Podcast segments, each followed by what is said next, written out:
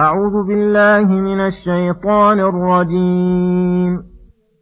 واتل عليهم نبأ ابني آدم بالحق إذ قربا قربانا فتقبل من أحدهما ولم يتقبل من الآخر. قال لأقتلنك.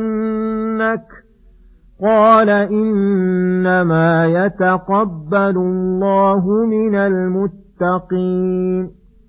لئن بسطت إلي يدك لتقتلني ما أنا بباسط يدي إليك لأقتلك. إني أخاف الله رب العالمين.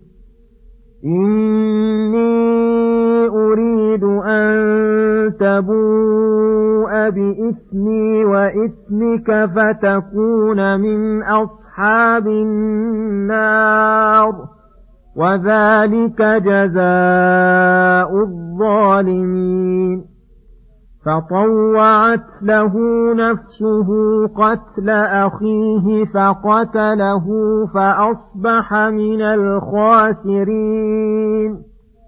فبعث الله غرابا يبحث في الأرض ليريه كيف يواري سوءة أخيه. قال يا ويلتى أعجزت أن أكون مثل هذا الغراب فأواري سوءة أخي فأصبح من النادمين. من أجل ذلك كتبنا على بني إسرائيل أنه من قتل نفسا بغير نفس أو فساد في الأرض أو فساد في الأرض فكأنما قتل الناس جميعا. ومن أحياها فكأنما أحيا الناس جميعا ولقد جاءتهم رسلنا بالبينات ثم إن كثيرا منهم بعد ذلك في الأرض لمسرفون إنما جزاء الذين يحاربون الله ورسوله ويسعون في الأرض فسادا ويسعون في الأرض فسادا أن يقتلوا أو يصلبوا أو تقطع أيديهم وأرجلهم من خلاف أو ينفوا من الأرض.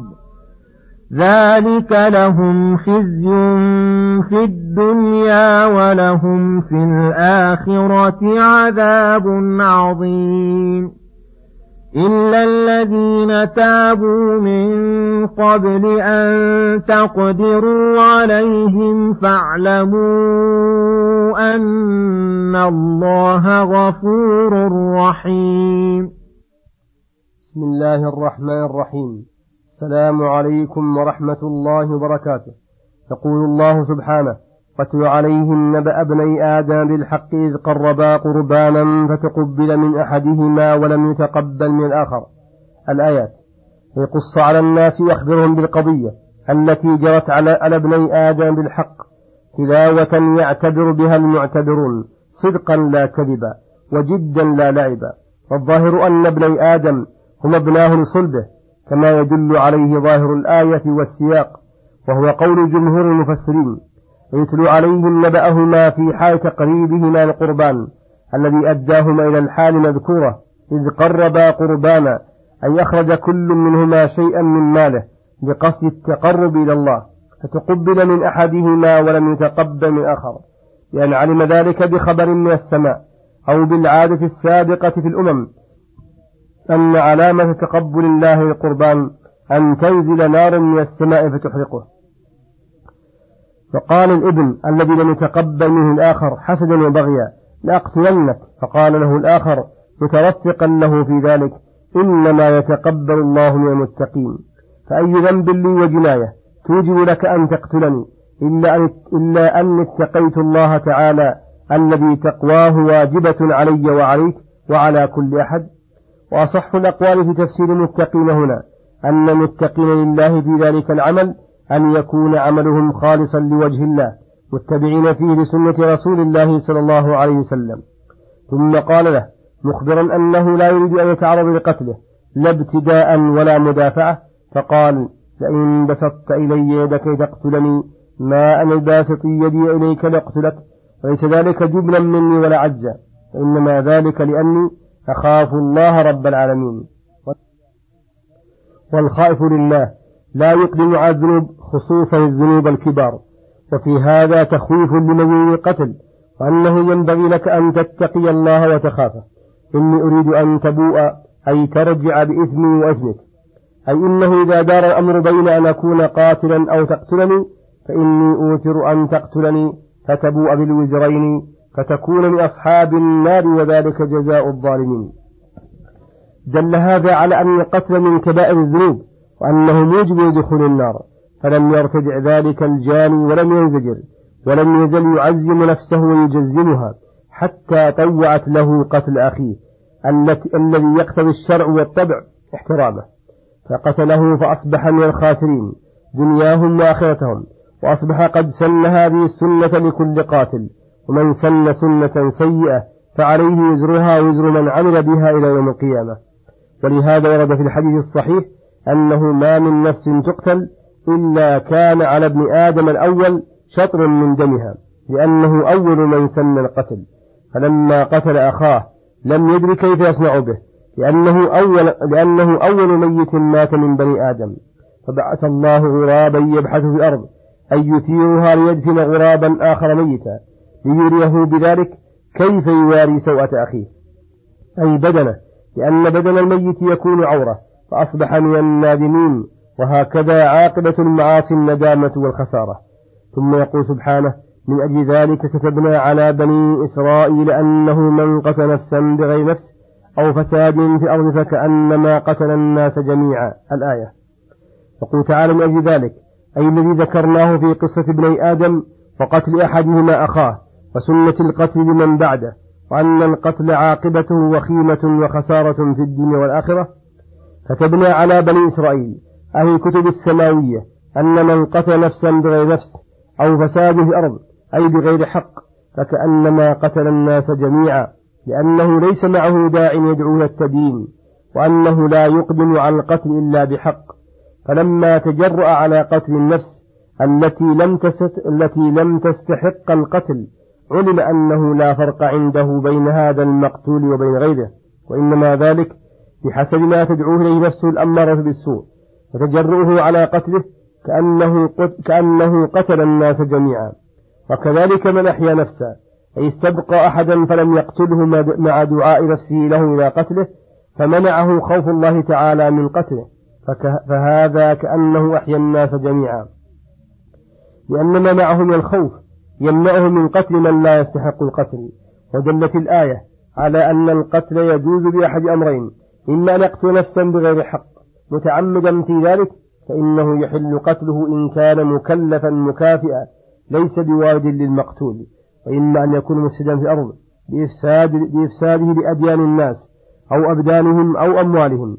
كالكفار المرتدين والمحاربين والدعاة إلى البدع الذين لا ينكف شرهم إلا بالقتل. وكذلك قطاع الطريق ونحوهم ممن يصول على الناس لقتلهم أو أخذ أموالهم. ولقد جاءتهم رسلنا بالبينات التي لا يبقى معها حجة لأحد. ثم إن كثيرا منهم أي من الناس بعد ذلك البيان القاطع للحجة الموجب الاستقامة في الأرض لمسرفون في المعاصي في العمل بالمعاصي ومخالفة الرسل الذين جاءوا بالبينات والحجج. الذين جاءوا بالبينات والحجج ثم يقول سبحانه إنما جزاء الذين يحاربون الله ورسوله ويسعون في الأرض فسادا أن يقتلوا أو يصلبوا أو تقطع أيديهم وأرجلهم من خلاف أو ينفوا من أرض الآية. المحاربون لله ولرسوله هم الذين بارزوه بالعداوة وأفسدوا في الأرض بالكفر والقتل وأخذ الأموال وإخافة السبل والمشهور أن هذه الآية الكريمة في أحكام قطاع الطريق الذين يعرضون للناس في القرى والبوادي فيغصبونهم أموالهم ويقتلونهم ويخيفونهم فيمتنع الناس من سلوك الطريق التي هم بها فتنقطع بذلك. أخبر الله أن جزاءهم ونكالهم عند إقامة الحج عليهم أن يفعل بهم واحد من هذه الأمور. واختلف المفسرون هل ذلك التخيير وأن كل قاطع طريق يفعل به الإمام أو نائبه. ما رآه المصلحة من هذه الأمور المذكورة وهذا ظاهر اللفظ.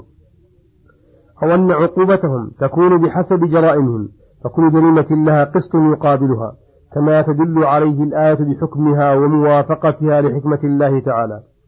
وأنهم إن قتلوا وأخذوا مالا تحتم قتلهم وصلبهم حتى يشتهروا ويختزوا ويرتدع غيرهم. وإن قتلوا ولم يأخذوا مالا تحتم قتلهم فقط. وإن أخذوا مالا ولم يقتلوا تحتم أن تقطع أيديهم وأرجلهم من خلاف اليد اليمنى ورجل اليسرى.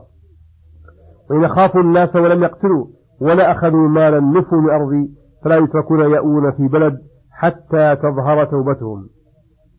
وهذا قول عباس رضي الله عنه وكثير من أئمة الاختلاف في بعض التفاصيل ذلك أن كالوا لهم خزي في الدنيا أي فضيحة وعار ولهم في الآخرة عذاب عظيم. فدل هذا على أن قطع الطريق من أعظم الذنوب موجب لفضيحة الدنيا وعذاب الآخرة وأن فاعله محارب لله ولرسوله.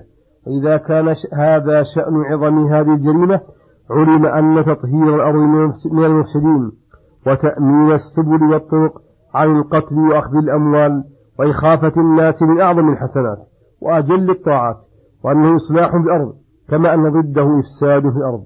إلا الذين تابوا من قبل أن تقدروا عليهم أي من هؤلاء المحاربين. فاعلموا أن الله غفور رحيم أي فيسقط عنهم ما كان لله من تحتم القتل والصلب والقطع والنفي. ومن حق الآدمي أيضا إن كان المحارب كافرا ثم أسلم. فإن كان المحارب مسلما فإن حق الآدمي لا يسقط عنه من القتل وأخذ المال. ودل مفهوم الآية على أن توبة المحارب بعد القدرة عليه أنها لا تسقط عنه شيئا والحكمة بذلك ظاهرة. وإذا كانت التوبة قبل القدرة عليه تمنع من إقامة الحد في الحرابة فغيرها من حدود إذا تاب من فعلها قبل القدرة عليه من باب أولى وصلى الله وسلم على نبينا محمد وعلى آله وصحبه أجمعين. وإلى الحلقة القادمة غدا إن شاء الله. والسلام عليكم ورحمة الله وبركاته.